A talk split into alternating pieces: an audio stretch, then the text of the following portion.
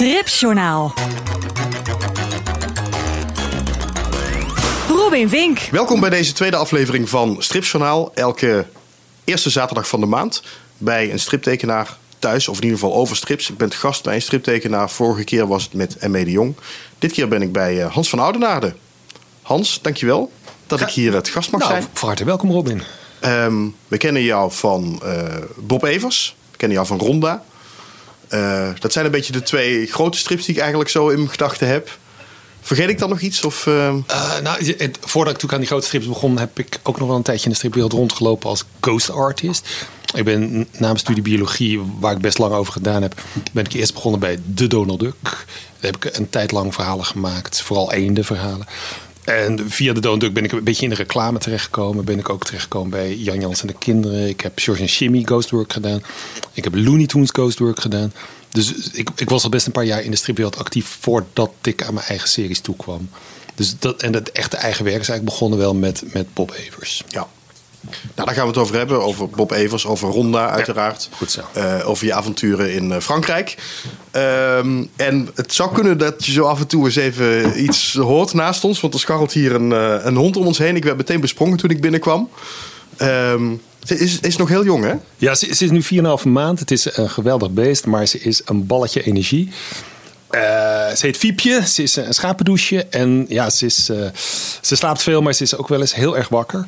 En nou ja, dat, eh, dat, hopelijk eh, hoor je het niet te erg. Maar Ja, ze scharrelt hier een beetje om ons heen. Er liggen allemaal speeltjes Ja. op de grond en dat, dat piept af en toe. Of dat, eh, je hebt zelfs eh, een, een deel van je werkkamer afgezet Ja. met houten planken om te voorkomen dat zij naar een stuk gaat waar je er eigenlijk niet wil Ja, hebben. dat klopt. Een deel van de kamer, er staan natuurlijk boeken en zo. Die zijn allemaal laag. En dat is, het is een leuke, enthousiaste hond. Maar om daar nou de tanden in te hebben, dat vind ik... eh, Dus ik heb, een de- ik, heb, ik heb een kleiner oppervlak dan ik normaal heb nu. Ja. En kom je nog wel aan werken toe met, met zo'n wilde brashuis? Nou, inmiddels gaat het wel weer. Maar er is, was even, vooral in het begin even een moment dat ik dacht van... Jeetje, nou moet je tien of elf keer per dag met zo'n beestje naar buiten. Ook s'nachts één of twee keer. En dan, zelfs, Ja, s'nachts ook. Ja. En da- dan is het wel even zwaar hoor. Dan, eh, toen heeft de productie wel even schade geleden. Maar nu inmiddels beginnen we een vorm te winnen met z'n tweeën. met met, met z'n tweeën. Ja. Jullie zijn een soort duo geworden nu. Ja, ja, ja. Het is de huisgenootje. Het is, het is natuurlijk een, een soort eh, vaste bewoner van de studio. En ik moet haar, eh, zij moet leren hoe het hier toe gaat. En dat, eh, nou, het- ja, we zijn onderweg, laat het zo zeggen. En eh Fiep, vernoemd naar... Fiepje Westerdorp. Ja, hè? Ja, dat dacht ik de grote illustrator, Triese. Die met Annie Schmid die mooie dingen maakte. Er, er zat ook zo'n zwart, die zwarte contourpoppetjes in, Jip en Janneke. Maar ook het hondje Takkie. Ja. Dat was zo'n klein zwart eh, dingetje. En nou ja, toen we er zagen dachten we, ja, dit is gewoon Takkie. Maar ja, om er nou Takkie te noemen, dat vond ik weer zo wat. dus, maar als, als eerbetoon aan de grote illustrator. Eigenlijk heet ze natuurlijk Sophie. Maar ja, Fiep is dan kort daarvoor, hè? Oh, is dat zo? Dat wist ik niet eens. Ja, het is, het is een beetje een afkorting van zo'n zo'n soort naam. Het is, eh, het is een schat van de beest. En eh, ik vind het fijn om een hond in de studio te hebben. We gaan het hebben over eh, je strips en wat ik zei, je avontuur in Frankrijk. Waar ik ook mee wil beginnen vanaf deze eh, podcast is een eh, rubriekje dat ik gewoon keihard jat van mijn collega's van BNR Nieuwsradio. Waarvoor dank.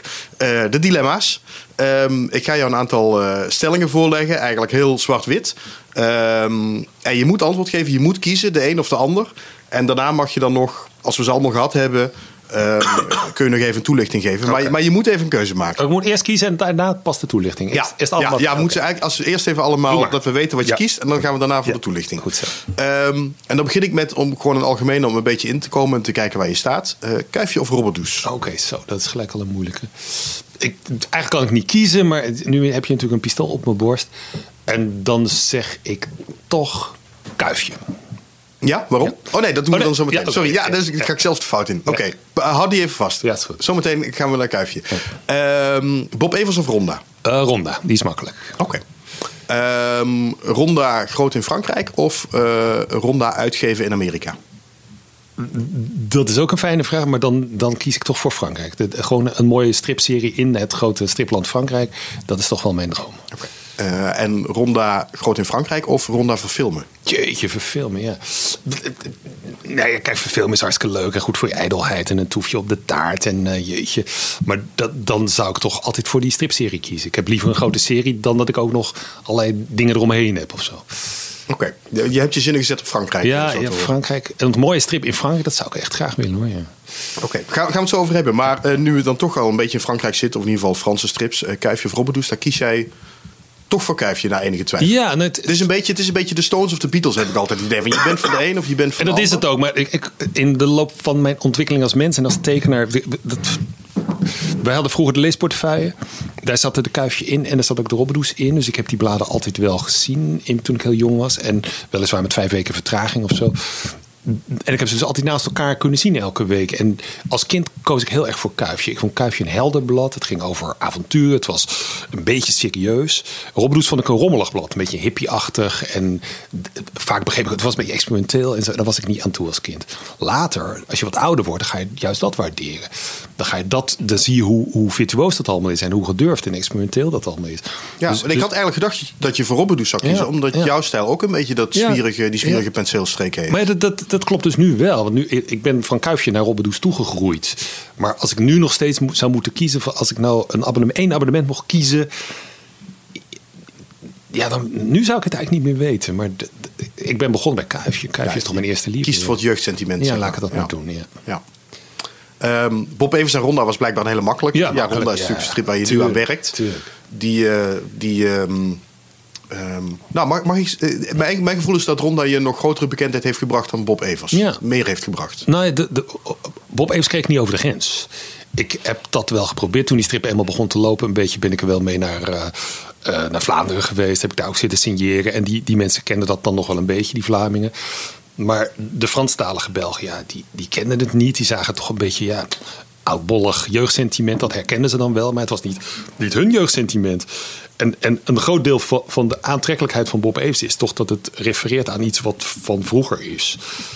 En, en het heeft dus heel duidelijk eh, geen moderne kanten. En dat, dit is leuk en dat is apart. Maar dat krijg je niet meer voorbij de, de, de keiharde verzamelaars en de liefhebbers van Bob Evers. Nee. En als ik dan vraag, ehm, eh, als ik Ronda Groot in Frankrijk zet tegenover uitgeven in Amerika of voor film, dan kies je toch elke keer voor Ronda Groot in Frankrijk. Hmm. Ja, nou ja, dat film heb ik uitgelegd. Dat vind, dat, kijk, ik ga het niet zelf verfilmen. Dus dan zou, dan zou er iemand bij me komen en heel, ge- heel veel geld moeten bieden voor, voor de rechten of zo. Nou, dat is natuurlijk fijn en aangenaam. Maar daarna gaat toch iemand anders ermee aan de haal. En dan kom je later in de bioscoop en denk je: Goh, wat hebben ze dat leuk gedaan? Wat hebben ze dat verschrikkelijk gedaan? Maar dat is niet jouw, jouw liefde, jouw project per se. Ik vind het wel een heel filmisch verhaal. Het zou Ja, dankjewel, kunnen, denk ik. dankjewel. Nou, ik denk dat het ook zou kunnen. En ik, als je prachtige eh, eh, vertolkers hebt of zo die dat zouden kunnen doen, dan kan je er best een leuk actieverhaal van maken met een mooie voice-over en weet ik veel wat. Maar dat is niet mijn eerste. eh, ik zou het veel geweldiger vinden als ik op zo'n Franse beurs in de grote tent zat, in de grote stands. En dat de grote rijen voor mij waren. Weet je, dat, dat, dat zou me enorm strelen. Meer dan dat ik op zo'n première liep. eh, nee, Ja, grappig. Ja. Frankrijk is voor jou toch een beetje het, het, het voorbeeldstripland, Ja. kan ik het zo noemen. Ja. En dat, daar wil je dan graag inderdaad De Olympus, tussen- ja. ja. Als je, ik, ik ben nu voor het eerst dan een beetje aan de voet van de Olympus aan het rommelen. En dat heeft me toch een enorme boost gegeven. Ik vond het echt ontzettend leuk. Er was opeens een deur open. Waarvan ik dacht dat die niet open te krijgen was. Of dat die heel moeilijk open te krijgen was. En opeens was ik, was ik er. Was ik binnen. Liep ik daar rond. En zag ik die mensen. En dan ga ik met ze lunchen. En Maar hoe ging dat dan? Want opeens, ik bedoel, het, kan is niet dat je eh, op een dag naar het festival Angoulême bent gegaan en hebt gezegd: hey, ik ben Hans van Nee, ja, nou, oh, kijk dat- eens even naar mijn dat hele portefeuille. Dat, zo geschiedenis- werkt dat niet, denk ik. Nee, het begon eigenlijk bij Bob Evers. Ik, was, ik had die Bob Evers serie, ik had een deeltje of vijf. En ik dacht, nou ja, toch maar weer eens proberen om het de grens over te krijgen. Dus dan benader je verschillende uitgevers. En ja, nauwelijks reactie, weet je wel. En toen heb ik op een dag, was ik uitgenodigd door een Duitse, Eckhard Schott heet hij, een Duitse uitgever, Annex Handelaar, even hoesten. En die zei, ik ga naar Luxemburg, naar Contern. Daar heb ik een beurs en ik vind jouw stijl leuk. En ko- kom daar die albums signeren. En ik zei, ja, ik heb ze alleen maar in het Nederlands. Nee, dat is goed. Dus ik heb daar achter mijn stapeltje Nederlandse albums boekjes signeren. En toen kwam er een meneer op mij af van BD Must. Dat was een, eh, een Waalse uitgever, dus een Franstalige Belg. En die vonden het wel interessant. Die zeiden, is dat niet iets voor ons? Dus geweldig natuurlijk, geweldig Niels. Ik met die mensen in contact. Maar toen we begonnen te praten, bleek het toch best ingewikkeld voor, voor ons allemaal te zijn. Want de- rechten van de Bob Evans-serie liggen complex. Er zijn natuurlijk, eh, er is familie, er is eh, uitgeverij Eekhoorn. Want het is eigenlijk een, een, het is een boekenserie geweest vroeger. Ja, hè? ja. Dus het is het, het, Ja. het mer- merk Bob Evers, om het zo maar te noemen, is eigenlijk van iemand anders. Ja, het is, het is natuurlijk een, een jeugdboekenserie, een serie jeugdromans uit de jaren 50, 60. En die, die zijn, eh, weet van, zijn een deeltje of 30 geloof ik geschreven door de oorspronkelijke schrijver Willy van der Heijden. En die heeft daar eh, veel succes mee gehad. Dus het is ook heel bekend geweest in de jaren. En wij hebben daar een soort verstripte versie van gemaakt. Maar dat, dat, dat doe je, je regelt natuurlijk die rechten met, die, met de oorspronkelijke rechtenhouders. Maar als je het dan ook wil uitgeven in nieuwe talen, moet je weer met die mensen gaan praten en zo. En dat was, ze vonden dat toch complex. En in die tussentijd zat ik ook al een beetje te zoeken: moet ik niet een eigen serie gaan opzetten naast Bob Evers? Dus ik had een soort voorbeeld, een soort leaflet gemaakt met wat voorbeeldplaatjes en een beschrijving van het verhaal en wat ik ermee van plan was. Dat heb ik die, die, Waalse uitgever ook meegegeven. En die zeiden: oh, oh, oh, we willen dat. Laat Bob Evers maar even zitten. We gaan beginnen hiermee. En toen had ik opeens een uitgever. Opeens een Franstalige uitgever. Dat was echt razend. Ik had het nog niet eens af. Maar ik kan net zeggen, dat was dus voordat Ronda in, in Nederland al in de winkels ja, lag. het was nog niet eens klaar. Het is, toen heb ik nog zitten tekenen en met die mensen overlegd. En wat zij wilden en wat ik wilde en weet ik veel wat. En opeens was er een deeltje klaar. Hup, ze gaven het uit. En toen had ik opeens een deel in het Frans. Superleuk. En, en nu, hoe is de stand van zaken nu? Nou ja, de, die geschiedenis gaat dan verder. Heb je een deeltje in het Frans. Dan, dan hebben zij zoiets van, nou, ja, het ziet er op zo'n manier uit dat we het een beetje eh, high-end willen afzetten. We willen eerst beginnen met, eh, met de verzamelaars en de luxe edities en zo. Dus eh, we gaan eerst een, een, een beperkte oplage, weet ik veel, eh 333 exemplaren geloof ik, in luxe versies in zwart-wit.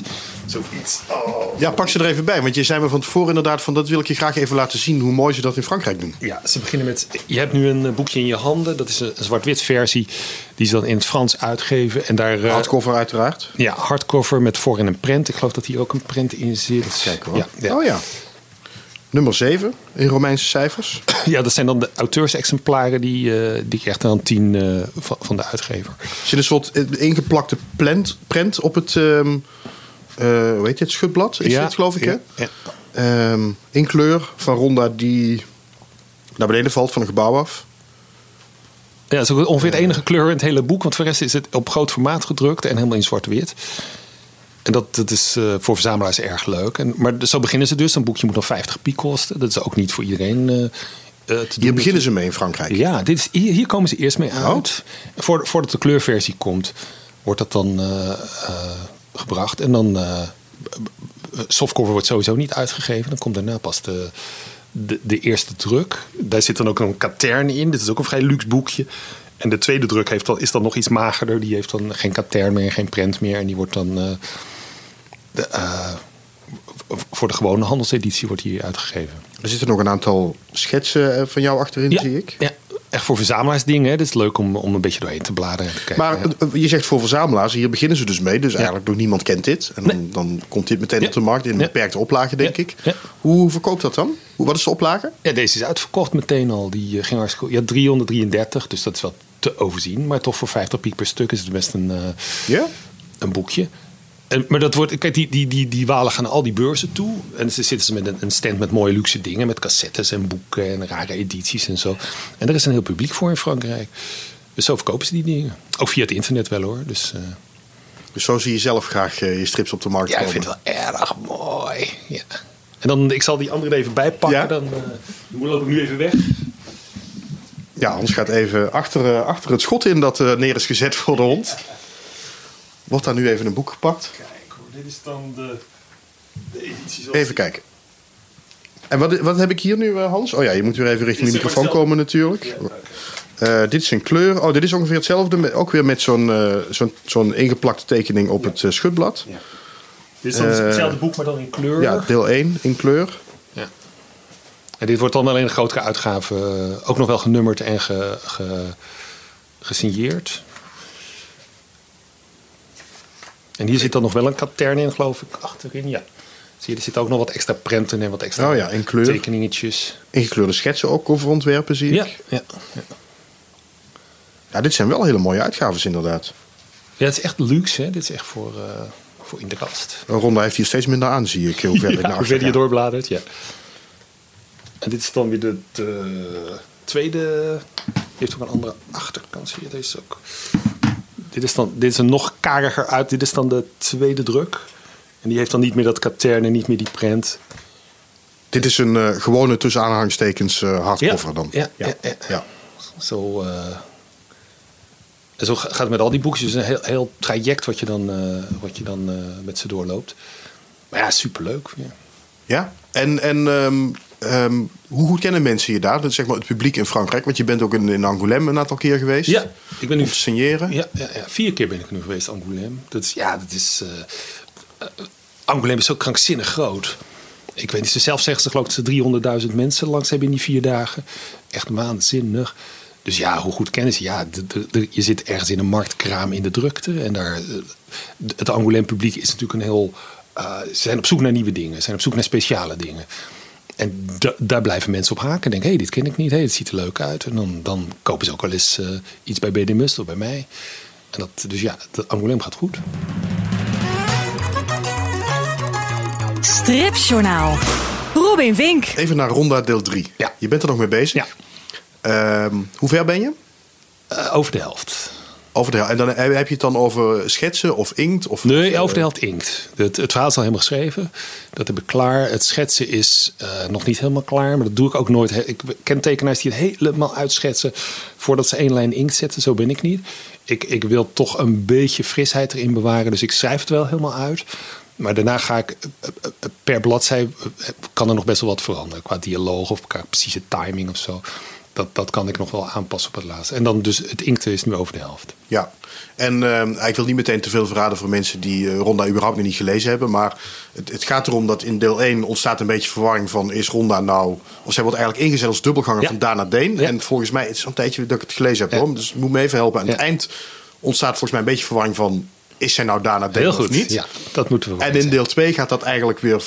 Kantelt dat beeld elke keer, als Ja. ik me goed herinner. Want dan in het begin denk je nog van... hé, maar Ronda is eigenlijk Dana Deen. En in de loop van het verhaal Ja. blijkt dat toch weer niet zo Heel te zijn. ja. En aan het eind volgens mij weer wel. En Ja. het- de- ik kan me nog herinneren ik helemaal de draad kwijt was. aan En zo moet het ook. Dat was Ja. ook- ik hoop wel dat je niet dan permanent de draad kwijt bent. Het, het wordt aan, in deel 3 wordt het vrij snel, na een bladzijde of 10 of zo, wordt wel duidelijk dat het een bepaalde kant op gaat. Oké. Ik denk wel dat ik deel 1 en 2 weer even moet lezen voordat ik, aan 3 begin. Het zou zomaar kunnen, ja. ja. Hoewel, het, kijk, het is... Ik, ik ruim wel een hoop op hoor, in het begin van deel 3. Er gaan een hoop mensen, die, die, die- het verhaal moet niet te complex worden, dus die krijgen allemaal een kogel in hun buik en die zijn weg. en dan hou ik opeens al een, een paar hoofdrolspelers over, die, en daar ga, mee ga ik naar het einde. Oké. Ehm, eh, jij hebt me ooit eens een keer verteld dat eh, Ronda eigenlijk ontstaan is al jaren geleden samen met Hanko Kol. Ja, dat klopt. Ja. Hoe zit dat? Heel lang geleden bestond er een blad dat heette Shoshi Stripblad. Dat is een een van de opvolgers van Eppo.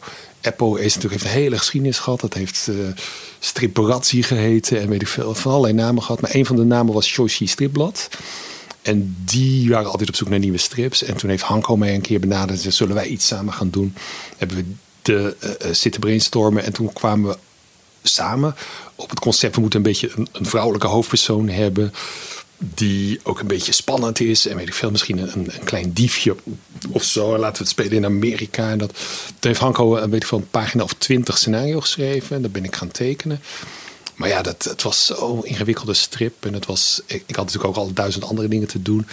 Dus dat is bij pagina 20 gestrand. Dat hele. George en Chippy Stripblad wilde het hebben. Die had het gezien. En die zei: Nou, we willen het wel hebben. Maar ja, we hebben ook niet zoveel geld. Dus het is eh, een pagina prijsje. En ik had natuurlijk. Ja, je moet ook leven in de tussentijd. Dus ik, ik, ik kreeg het gewoon niet voor elkaar om die cyclus te doorlopen in mijn eentje. Met daarnaast nog voldoende te verdienen. Dus het is gewoon in de kast verdwenen. Maar wel zonde. Wat zag- hebben we het dan over jaren 90? ja, we hebben het over begin jaren 90, ja, 92, 93, zoiets. En, en, en we waren het eigenlijk al min of meer vergeten. Tenminste, ik. Het lag in de kast als een liefdesbaby van ooit. En toen begon Hanko in 2010, 12, 13, ik weet niet meer. kwam die op een keer naar me toe en zei van... eh, we hebben toch een ronda liggen, zullen we dat afmaken? En toen dacht ik, ja jeetje man, zo'n oude strip afmaken kan dat wel. Dus hebben we dat erbij gepakt. En ze hangen, nou, dan ga ik wel dingen aan het scenario veranderen. Maar, eh, maar toen kwam weer de nieuwe versie. Dat was zo anders. Dan moest ik alles opnieuw tekenen bijna. En bovendien, de, de, de, de, de tekeningen van 20 jaar daarvoor, die, die kun je ook niet zomaar meer... Daar kun je niet zo tevreden over zijn dat je weer er zo mee verder gaat. Dus toen, toen ben ik toch ook flink wat gaan herschrijven in zijn scenario. Omdat het me dan beter uitkwam. En toen bleek toch dat die samenwerking van destijds niet meer zo soepeltjes liep. Toen hebben we toch eens met elkaar gepraat van... kunnen we het nog wel op die manier zoals we het vroeger deden? Hanko. En Hanko is zo'n lieve jongen die zei... joh Hans, jij moet het gewoon alleen gaan doen. Als jij zo al mee aan het schrijven bent. Je moet gewoon zelf schrijven. Dus hebben we dan gewoon elkaar diep in de ogen gekeken. En toen hebben we elkaar een hand gegeven. En toen heb ik het overgenomen. Ben ik het helemaal alleen gaan doen. Ja, en toen is Ronda een eigen leven gaan leiden ja, eigenlijk. ja. Want je schreef ook ergens, zag ik, eh, Ronda, dat ben ik zelf. Dat is waar, ja. Ik ben al die figuren zelf. Ik ben ook al die autootjes natuurlijk en al die gebouwtjes en al die boompjes. Maar Dat Ronda, het ja, uit je dat, handen komt. Maar leg je iets van je persoonlijkheid in Ronda dan? ja, dat is onvermijdelijk. Ja. Het, hoe Ronda denkt, dat, dat moet ik op een of andere manier vormgeven, invullen. Dus haar, haar manier van denken en haar gedachteproces zal toch iets met mij te maken moeten hebben, ja. Ja, sommige Ja. mensen vragen wel eens van, van, van, lijkt ze op je vrouw of zo? Of is er een speciaal iemand die daarvoor voor model heeft gestaan? Ja, nee, ja, ikzelf. Elk mens heeft verschillende aspecten erop. Ja. Je Ja. Zijn allemaal mannelijk en vrouwelijk en weet ik veel. Nou, ik vroeg me dan wel of nu je toch over je vrouw hebt. Ehm, want ik snap dat je graag mooie vrouwen tekent. En Ronda heeft regelmatig niet heel veel aan. Daarvan dacht ik, wat vindt je vrouw daarvan? Oh, die vindt het geweldig. Oh ja? Ja, nee, nee. ja, kom op. Het is geen chockerende strip. Het menselijk lichaam is Dat is prachtig. En ja, dat is, ik vind dat helemaal niet eh, iets om je voor te schamen. Het is, het is leuk om te tekenen. Het houdt voor mij ook een beetje... Ik vind het fijn om af en toe een, eh, spannende scène erin te tekenen. Ja. Ehm, je, je wil ook je strips, je stripfiguren eh, eigenlijk een beetje neer gaan zetten als acteurs. Zodat je Ronda, dat je eigenlijk een affiche kan maken met eh, Ronda eh, is nu, speelt nu in die en die strip. Oh ja, verdraaid. Ja. Dat, ja, daar hebben, hebben we het ooit een keer over gehad. het en over dat vind ik nog steeds een fascinerend idee. Ja. ja, er is nu een, een blad dat heet de strip Glossy. Ja. En de strip Glossy die heeft in de, het komende nummer hebben ze ook weer een special over Ronda, vier pagina's. En dat is een beetje zo'n spin-off van dit idee. De- van, van de serie, daar zie je de acteur Ronda. Dus heet daar nog wel Ronda. Ja, ik moet er ook een eigen naam geven of zo. Maar die, die eigenlijk in de studio van Hans van Oudenaarde rondloopt. En daar commentaar geeft op het werk van, van Hans van Oudenaarde. Het is een beetje in, het hoofd van de tekenaar. eh, ze, ze zijn dan de originele aan het bekijken en zo. En daar commentaar aan het leveren. En dan is de tekenaar komt dan opeens binnen. En die heeft dan een soort crisis. Die denkt, je, ze niet allemaal anders en moderner en frisser. En dan komt zijn vrouw er langs en die zegt dan... eh, ja, kom op, eh, dat kan je wel doen, maar er moet ook gewoon geld verdiend worden. En dat is dan zo'n soort... Weet je wel, in het hoofd van de tekenaar. Maar dat, dat, dat de acteur zijn eigen leven leiden vind ik wel erg grappig. Ja, dus zo, zo speel je een beetje met het medium eigenlijk ook. Met Ja. het mediumstrip. Ja, ja, ik vind dat dat medium verdient dat ook. Er, moet ook. er mag ook best creatief mee omgegaan worden. Zo, zo, het hoeft niet allemaal zo stijf en zo... eh, ja. Maar heb je al een nieuw avontuur in je hoofd dan voor Ronda? Voor na Ronda? Ja, nou ja, maar dus voor Ronda in een nieuwe strip. Ja, kijk, Onder een andere naam. Ronda is het laatste deel. Deze serie. Sorry hoor, kriebeltje. Eh na deel 3 houdt het op. Maar het zou dus zomaar kunnen dat die actrice die Ronda speelt nu... dat die met een andere pruik en, en weet ik veel wat andere kleding... weer in de nieuwe serie zit. Maar je hebt nog geen concreet idee. Ik heb wel één of twee concrete ideeën. Zelfs één concreet idee met een, met een gekende schrijver. Maar ik ben er nog. Ik wil, ik, op een of andere manier kan ik mijn hoofd nog niet vrijmaken. Ik moet dit eerst goed afmaken voordat ik serieus daar iets over kan zeggen. Ja. Dus laat ik er maar niet te veel over zeggen. Nog wat daarna. Nou, wat ik me wel nog afvroeg, ehm, nu je toch hebt van, ja, moet ook geld op de plank komen. Ja. Je bent dan nu anderhalf jaar aan het werken aan Ronda deel 3. Ja. Aan, aan één stripverhaal. Kun, kun je daarvan leven op die manier? Nee, nee want dat, dat is ook een van de redenen. Dat, kijk, op het moment dat je een strip maakt, bouw je eigenlijk een tekort op. Dan ben je eigenlijk je bankrekening aan het plunderen. Want je zit eigenlijk alleen maar te tekenen en het levert nauwelijks iets op natuurlijk aan voor publicatie. Dus heel vaak is het zo dat als de strip klaar is, dan is iedereen blij, maar jij bent geruineerd. Dus dan moet Ja. je zo snel mogelijk eh, natuurlijk reclamewerk pakken en alles wat er maar langskomt om, om weer dat tekort op te bouwen. En dat na twee delen, dat, het is ook een bewerkelijke serie, ik doe er ook veel te lang over. Dat, dan moet ik soms gewoon even een tijd inruimen om eh, weer wat te verdienen. Dus ja, dat, dat, dat levert vertraging op. Ik zit, ik zit natuurlijk, de, de stripmarkt is karig wat dat betreft qua inkomen. Want aan Ronda ben je nu aan het werken, maar je verdient er pas iets mee als hij in de Apple staat, bijvoorbeeld. Ja, En als, dan je de als je worden. pagina's levert aan Apple, betaalt ze wel. Dat is wel fijn. hoor. Niet net bij publicatie, maar echt op het moment dat ze ze ontvangen, betalen ze de pagina's. Maar ja, als niet alles af is, heb je nog. En de, de paginaprijs ook niet, ja, zeg je dat, niet supergoed. Dus pas als die boekjes riant gaan verkopen, dan komen de riante inkomsten hopelijk uit royalties. Maar ja, Frankrijk, hè? Frankrijk. Daarom, Frankrijk is natuurlijk een grote markt. Nederland, hoe je het ook went of keert, het is heel moeilijk om in Nederland boven de 1500 boekjes te komen. Als je een goed lopende serie hebt, kom je misschien aan 2000. Maar daarboven is echt fantasie hoor in Nederland. Zo moeilijk. En, eh, maar Frankrijk niet. Er, is natuurlijk, daar zijn de grenzen anders. Dus de- dus als daar een serie een beetje aanslaat, dan kan het opeens interessant worden. Ook qua inkomen. Ja. Dus ja, daar moet je toch, daar moet je toch. En vooralsnog moet ik het gewoon maar bijspijkeren met klusjes, met commissions, met reclame dingetjes. Stripjournaal.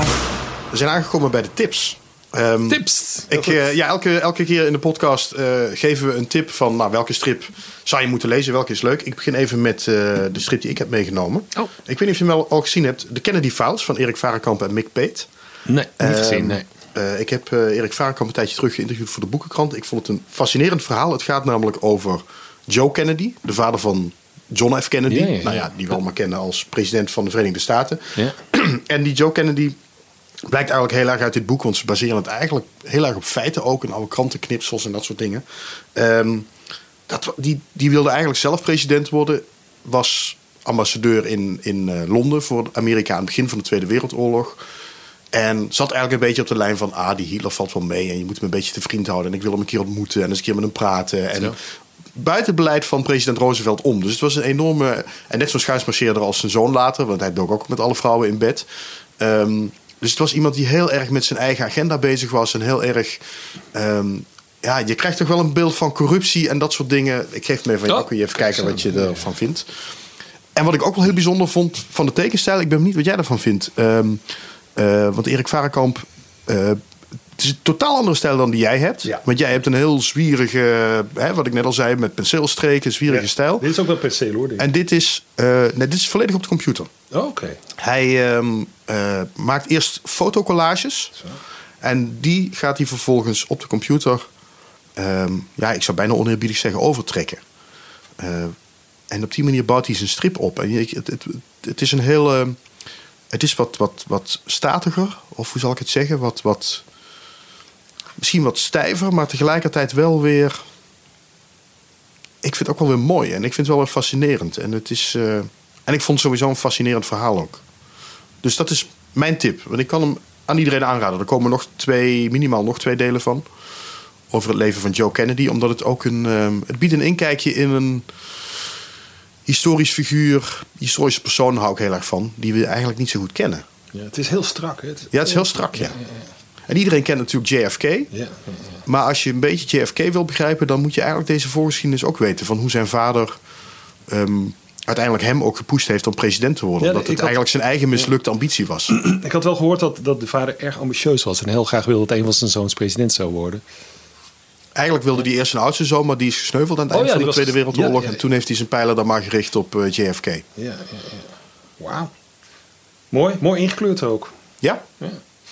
Het is ook een mooi boekje, mooi klein, compact. Ja, het is mooi uitgegeven. Mooie, jij een- ruggetje. ja, Ja. er is ook een softcover eh, versie, maar dit, eh, dit is inderdaad eh, de hardcover met een mooie linnen rug. Ja, Die mooi, is geloof ik 5 euro duurder dan de softcover. Oké. Dus ja, dan kun je net zo goed een mooie hardcover kopen, zou ik prachtig denken. boekje, ja. En er komen nog twee deeltjes aan. Ja, er komen er nog twee. Volgend, nee, ja, volgens mij volgend jaar en dan over twee of drie jaar nog geen. Ja. Hij heeft ook de, eh, Prins Bernhard gedaan, toch? Ja, Eh, ja. eh, Agent Orange eh, over Prins Bernhard inderdaad. Ja. Wat, Mooi, mooi boekje. wat is jouw tip, Hans? Oh ja, ik was in Angoulême. Is- we zitten nu begin eh, maart, maar eh, eind februari of eind januari was ik in Angoulême. Daar heb ik dit boekje meegenomen. het heet, eh, het is van Alex Alice en het heet Le Château des Étoiles. Ja, het is nog helemaal in het Frans. Het is een, een enorme hardcover die ik hier in mijn hand Ja, hij is groot. Wat, het is bij, bijna A3-formaat. ja, het is, eh, het is eh, een, een prachtige stijl die hij heeft. Totaal anders dan wat ik doe. Het is eh, helemaal geaquarelleerd. Ik heb, er was een tentoonstelling daar. Daar lagen, er hingen ook zijn originele. Er was ook een filmpje hoe hij het deed. Onwaarschijnlijk bewerkelijk. Over sommige tekeningen heeft hij wel 12 of 13 of 15 lagen verf. voordat hij voldoende diepte heeft. En in druk natuurlijk heel moeilijk te reproduceren. Ik zal, ik zal het aan jou geven. Ook dit is weer een mooie uitgave met zo'n linnen ruggetje en zo. Ik weet niet eens of het in het Nederlands al is. Want er zijn nu twee of drie delen van. En dit is dan het eerste deel. Het is, eh, het is eh, indrukwekkend qua, qua techniek vooral. En daarom heb ik het meegenomen. Dit is wel echt heel mooi, ja. Het Ja. is heel... Een beetje sprookjesachtig is het. Absoluut, ja. Het speelt denk ik in de 19e eeuw, als ik het ja, zo zie. Ja. Het is een beetje steampunk-achtig. Het is eh, een soort alternatieve eh, geschiedenis. Het is wat ik ervan... Want ik lees het ook in het Frans, dus heel, de, alle details... Ik probeer de details te begrijpen, maar soms ontgaat me wel een kleinigheidje hoor. Het, het, het, eh, het gaat een beetje over ontdekkingsreizen, de hemel in, de ether in, zeg maar. Er is een klein jongetje wiens eh, moeder overleden... Er was een ontdekkingsreiziger wiens moeder overleden is bij een enorme tocht. En zijn vader is een soort ingenieur die ook veel weet van de techniek. En die wordt op een dag eh, uitgenodigd door de, Duitse keurvorst... die ook enorme ambitieuze plannen heeft om het universum te gaan, gaan verkennen.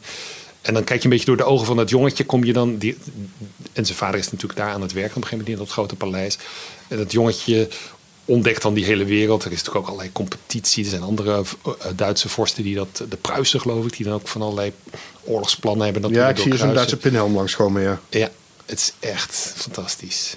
Maar het, totaal, ik zie wel manga-elementen erin. Ja, dat vind ik heel apart. Omdat het is een soort potloodlijn die inderdaad met ja. aquarel is ingekleurd. Ja, ja. Uh, maar ondertussen zijn de, de gezichten van de hoofdpersonen, wat jongere hoofdpersonen, zijn een beetje van die manga-achtige gezichtjes. En dat zijn twee dingen die ik totaal niet samen zou... oh, geweldig vind ik dat. Dat hij dat allemaal maar durft en er doorheen uh, vlecht. Maar dit, als, omdat het zo ver van me afstaat qua techniek. Maar tegelijkertijd vind ik het ook fascinerend. Misschien moet ik ook maar eens wat meer met verf gaan doen, denk ik dan meteen. Als ik dat zo zie. Maar het is dus niet duidelijk of dit ook in het Nederlands komt. Ik, misschien is het al in het Nederlands. Dat heb ik niet zo goed gevolgd. Ik kwam met daar. Ik kende het ook niet. Ik was daar met Paul Teng, de beroemde Paul Teng. En die, uh, die kende dit al wel. En die zei van, oh, ze moeten naar de tentoonstelling. Dus toen ik het thuis zag, toen, vond ik het ook geweldig. En toen heb ik dat boekje maar meegenomen. Ik ga zoeken of die in het Nederlands te krijgen is. Ik, uh, ik heb geen idee. Château des Étoiles van uh, Alex Alice. Ik zal er in ieder geval even een foto van maken zometeen. Dan okay. zet ik die op stripjournaal.com. Dan kunnen mensen toch een beetje zien hoe het eruit ziet. Ja, super. Um, ik ga zo meteen ook even met jou, als je het goed vindt, een filmpje opnemen. Waarbij je nog iets van Ronda deel 3 laat zien. Oké. Okay. Dat we alvast ja. een sneak preview kunnen geven. Ja, dat is goed. Ja. Allemaal terug te vinden op stripjournaal.com. Er is al wel trouwens het schetsboek uitgekomen afgelopen oktober. Met een kleine preview van zeven pagina's van het eerste van het nieuwe verhaal. Ja, dat waren de eerste zeven pagina's in inkt, hè? In zwart-wit, ja. Ja, in zwart-wit. ja. Is, die is nog overal te krijgen, dat boek? Dat, het is wel hard gegaan, want het is, uh, maar er is, hij is nog wat te krijgen. Ik zag de royalties afgelopen uh, twee weken geleden. Dat was aangenaam. Okay, dat is flink al wat verkocht. Ja. Kijk. Oh ja, april is royalty maand. Hè? Oh nee, dat is, het is nog geen april. Het is, nee, nee, nee. Maar het, uh, ze, ja, ze sluiten het jaar natuurlijk af in, uh, wat is het, 1 januari. En dan komt de maand daarna komen de royalties. Dus dat is, was fijn. Oké, okay. nou, uh, dankjewel uh, dat ik hier aanwezig mocht oh, zijn, nou, uh, Hans. We zijn er al. We zijn er al doorheen, volgens mij. Ja. Of, of mis ik nog iets? Wilde je heel graag nog iets kwijt? Nee, Fiepje heeft zich goed gedragen. Ja, die heeft zich heel rustig gehouden. Ja. Ze ligt hier bijna te slapen ineens. Nee, ja, dus, nou, ik vind het superleuk dat jullie aandacht aan mij willen besteden. En ik hoop dat, dat, dat de lezers er iets, en de kijkers er iets aan hebben. Oké, okay, nou dankjewel. Ja. Um, dit was uh, stripjournaal.com, de podcast. Um, meer informatie nou, terug te vinden op stripjournaal.com. Dus ook een filmpje met Hans van Oudenaarde. En uh, volgende maand uh, zijn we er weer. Stripjournaal. Dankjewel Hans. Nou, we kunnen naar het bier. Oké, okay, bier.